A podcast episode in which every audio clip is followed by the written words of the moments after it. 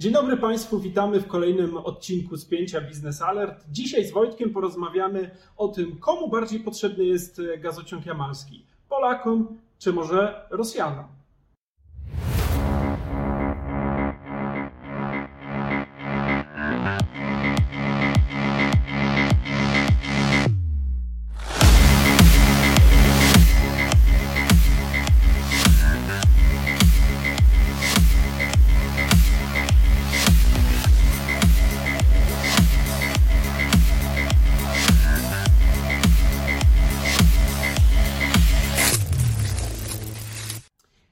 Gazociągu jamalskiego była już doskonale mm, i dogłębnie opisywana na łamach naszego portalu. A nawet dostaliśmy za nią platynowego megawata, właśnie za spięcie o gazociągu jamalskim. Tak, o czym się nie pochwaliliśmy ostatnim razem, co teraz czynimy. E, no więc właśnie, komu bardziej potrzebny jest Jamal? Polakom czy e, Rosjanom? Ha, i to jest y, dobre pytanie, cytując klasyka, to jest bardzo dobre pytanie. E, zacznijmy od Polaków, o których powiem kilka słów. Faktycznie gazociąg jamalski służy także do dostaw do Polski. Część gazu sprowadzanego na mocy kontraktu jamalskiego z rosyjskim Gazpromem poprzez gazociąg jamalski dociera do Polski i w dwóch punktach rozprowadzane jest y, na terytorium Polski. Wprowadzamy jakieś to, jest chyba, to jest chyba mniejsza ilość. To jest mniejsza ilość. Jak mamy do 10 miliardów metrów sześciennych rocznie, to tam chyba 6 E, trafia przez gazociąg jamalski. Chyba nawet, chyba nawet trochę mniej, bo w zasadzie główne punkty są przez Ukrainę i Tietierowkę na, na Białorusi. Więc gazociąg jamalski daje nam część tego gazu. Nie sprawdziłem przed nagraniem, ile zapomniałem, proszę Państwa. Przez PWP tam chyba jest. E, punkt wzajemnego połączenia, tak, tak zwany. I część tego gazu faktycznie dociera do Polski przez e, gazociąg jamalski, ale równie dobrze może przez gazociągi z Ukrainy, czy, czy w przyszłości przez rewers na przykład z Niemiec. No właśnie, to, to, to, już jest praktykowane. Część do pewnego stopnia tak, tylko my ten rewers wykorzystujemy właśnie nie do e, sprowadzania ruskiego gazu, tylko żeby importować z giełdy niemieckiej taniej mhm. na przykład gaz, bo na giełdzie niemieckiej jest taniej i Polacy dlatego właśnie zmniejszyli zakupy z Rosji do minimum, czyli do około 8, około 8 miliardów metrów sześciennych. Teraz trochę więcej jest. Bo teraz zmieniły się ceny, ale w 2019 na przykład to było około 8 miliardów metrów sześciennych, choć mogliśmy brać 10, bo właśnie z rewersu na Jamale braliśmy 2 z giełdy niemieckiej. Czyli maksimum, ile mogliśmy poza kontraktem jamarskim sobie sprowadzić tamtędy, spoza Rosji w lepszej cenie. No, ale gdyby, załóżmy, Rosjanie przerwali dostawę gazociągiem jamarskim, to możemy sobie ten gaz sprowadzić z innych kierunków. Także rosyjski gaz możemy sprowadzać bez gazociągu jamalskiego. Mhm. Ale powstaje pytanie o to, czy potrzebujemy ciśnienia w gazociągu jamalskim, takiego wielkiego. Na dzień dzisiejszy może byśmy nawet potrzebowali, żeby utrzymać dostawy w obecnym kształcie, Natomiast inwestycje gaz systemu zaplanowane do 2027 roku e, zmierzają do tego, żeby tak przebudować e, ten gazociąg jamalski na terenie Polski, mhm. żeby e, był zdolny do pompowania już nie tylko ze wschodu na zachód, czy też do importowania z zachodu na wschód przez tylko i wyłącznie rewers na gazociągu jamalskim, ale także do tego, żeby wpiąć w niego gaz z Baltic Pipe oraz terminalu LNG. Mhm. I wtedy, w takim scenariuszu, opróżnienie gazociągu jamalskiego przez Rosjan właściwie jest korzystne dla Polaków, bo umożliwi fizyczne dostawy e, z Baltic Pipe przez gazociąg mhm. jamalski, na przykład gdzieś na Podlasie. Będzie pusta rura i my będziemy mogli tam zatłoczyć no tak, nasz w ramach przerywanych. E, właśnie nie, fizycznych nie przerywanych, bo jeśli oni przerwą całkiem dostawy, mamy pustą rurę no tak, jest dobrze. Właśnie. E, rezerwują w drodze aukcji. Dzięki tak. Bogu i dzięki Unii Europejskiej mamy rezerwacje w aukcjach, e, w cywilizowanej rezerwacji, bardzo przejrzystej. E, Rosjanie oczywiście też potrafią przy takich mechanizmach mataczyć, co sytuacja na Ukrainie teraz pokazuje, ale jest to już całkiem inna sytuacja niż jakieś polityczne mhm. konszachty, gdzie ktoś może na nas wywierać presję w ramach kontraktu jamalskiego, żeby załatwiać coś na przykład w sektorze zbrojeniowym. To odchodzi w przeszłość, czyli podsumowując, z polskiego punktu widzenia, wycofanie się Rosjan z użytkowania gazociągu jamalskiego, który przypominam nadal e, należy formalnie do Europol Gazu, połowa udziałów w PGNiG-u, połowa Gazpromu, więc tutaj Rosjanie też mają interes e, w utrzymaniu tej infrastruktury. Opróżnienie tej rury może być dla Polaków korzystne, ale trzeba zapytać od drugiej strony w takim razie. Mhm. Czy Rosjanie potrzebują gazociągu jamalskiego? No właśnie, i tu pomimo tych dużych inwestycji Gazpromu w różne projekty, takie jak Nord Stream 2 czy gazociąg Turkish Stream, który biegnie na południe Europy od podnie Morza Czarnego. No są tymi projektami, które teoretycznie mają właśnie mm, zniwelować rolę Polski, ale głównie Ukrainy jako państw tranzytowych. Czyli teoretycznie Rosjanie, budując tą całą infrastrukturę, inwestując te kilkadziesiąt miliardów euro w te, w te, w te projekty, chcą zabezpieczyć się przed tym, żeby po prostu nie musieć e, wykupywać tych zdolności przesyłowych przez Polskę czy przez Ukrainę. A mówiąc y, bardziej politycznie, chcą słać gaz z pominięciem tych krajów i być może wykorzystać ten fakt do celów politycznych. Już nie przeciwko Polsce, która jest w dużo lepszej sytuacji, ale przeciwko Ukrainie tak i to przecież widać każdego dnia. Tak, tu chodzi też właśnie o wywieranie wpływu politycznego. Tylko właśnie, pytanie jest, zadałeś pytanie komu, czy, czy, czy w ogóle nasze spięcie dzisiejsze jest komu jest bardziej potrzebny Jamon, czy Polsce, e, czy e, Rosji, czy Gazpromowi. No, to, co ty powiedziałeś, wynika z tego, że my Jamału w, najbli- znaczy w ciągu najbliższych kilku lat nie będziemy potrzebować, albo będziemy potrzebować go naprawdę um, na użytek polityki gazowej wewnętrznej, czyli, czyli żeby po prostu dystrybuować gaz. Tak jak każdy inny gazociąg w Polsce, prawda? Dokładnie. Będziemy go traktować nie jako magistralę przesyłową, tranzytową, tylko po prostu jako gazociąg um, systemowy, będący częścią właśnie systemu um, gazowniczego w Polsce. Natomiast z perspektywy Rosjan ten gazociąg wciąż będzie istotny. Dlaczego? Dlatego, że jakby główną, głównym celem tej dywersyfikacji źródeł czy, czy tras dostaw prowadzonej przez Rosję, Rosja też przecież dywersyfikuje na swój sposób. My mamy trochę inne pojęcie dywersyfikacji, ale to też jest e, dywersyfikacja z perspektywy Gazpromu. E, Rosja głównym celem tej dywersyfikacji jest ominięcie Ukrainy, która jest państwem no, w domenie, czy, czy obecnie jest państwem uznawanym za wrogie, jako nieprzyjazne, na, na znacznie wyższym poziomie niż Polska.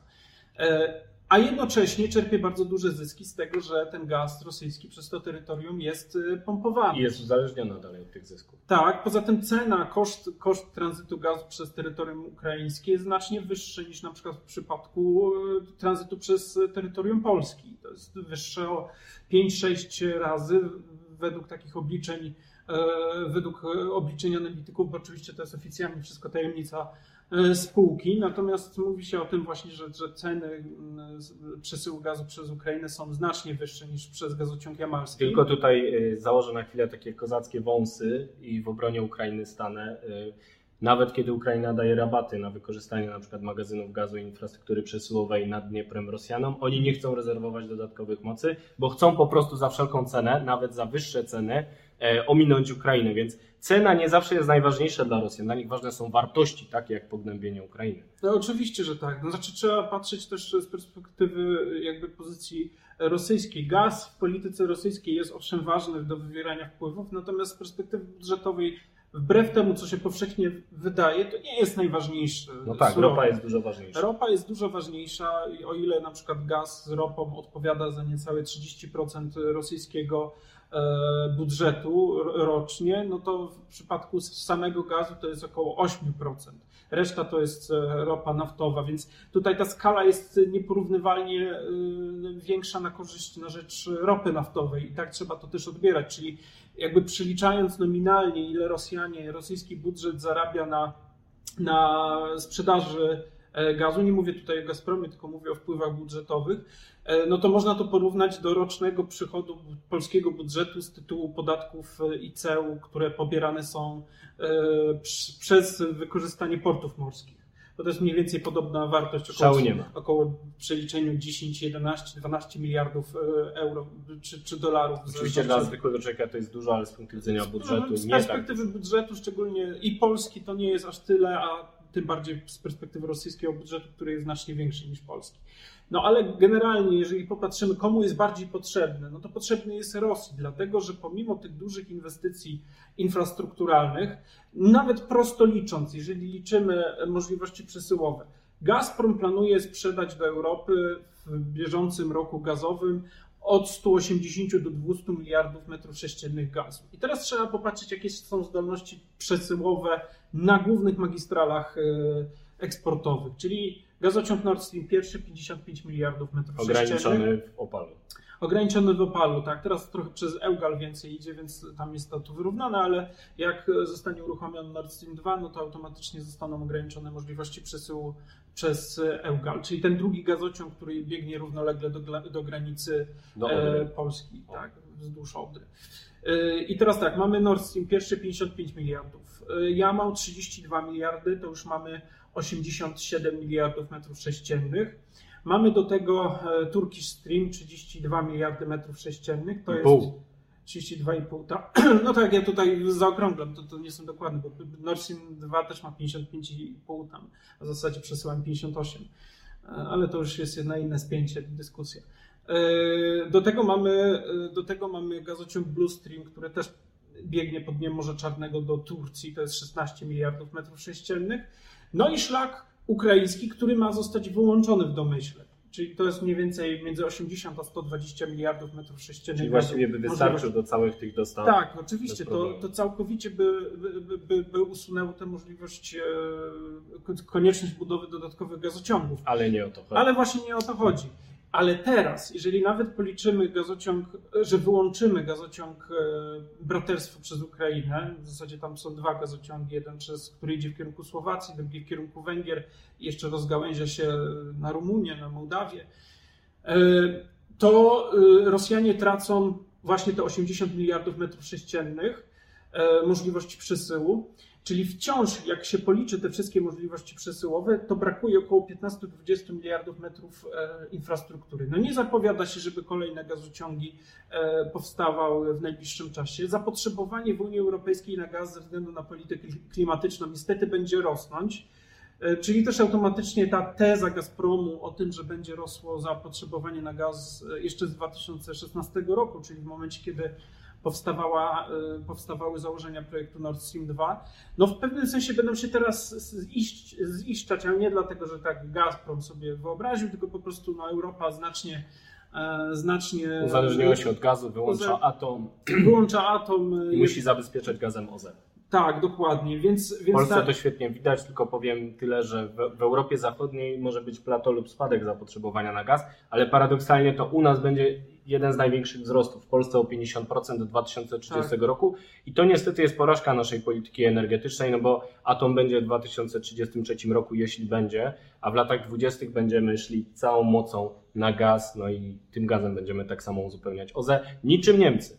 No właśnie, biorąc tu pod uwagę te wszystkie czynniki, można, można powiedzieć, że Gazprom nie będzie mógł porzucić Jamału całkowicie, bo może nie będzie 30 miliardów metrów sześciennych, będzie może rezerwował przepustowości, bo trzeba też pamiętać, że w ostatniej rezerwacji rocznej, która miała miejsce na początku 6 lipca, czyli rezerwację roczną na następny rok gazowy, czyli 22-23, Gazprom, 21-22, e, przepraszam, Gazprom nie, e, nie zarezerwował przepustowości rocznej, czyli to oznacza, że e, spółka ta nie wykupiła na cały rok z góry przepustowości, nie zarezerwowała, tylko będzie korzystać po prostu z rezerwacji prawdopodobnie kwartalnych, miesięcznych, dobowych. Oczywiście droższej.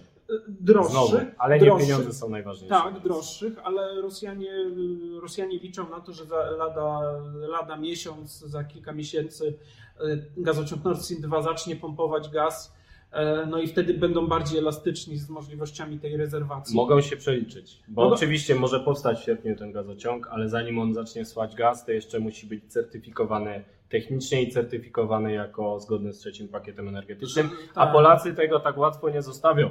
No tak, tego tu, tematu. Tutaj wyrok TSUE w sprawie OPAL nam daje pewne, pewne możliwości, Precedens. jeżeli chodzi o, o, batalię prawną. Właśnie, zwy, zwyciężyliśmy w sądzie my jako Polska e, tak.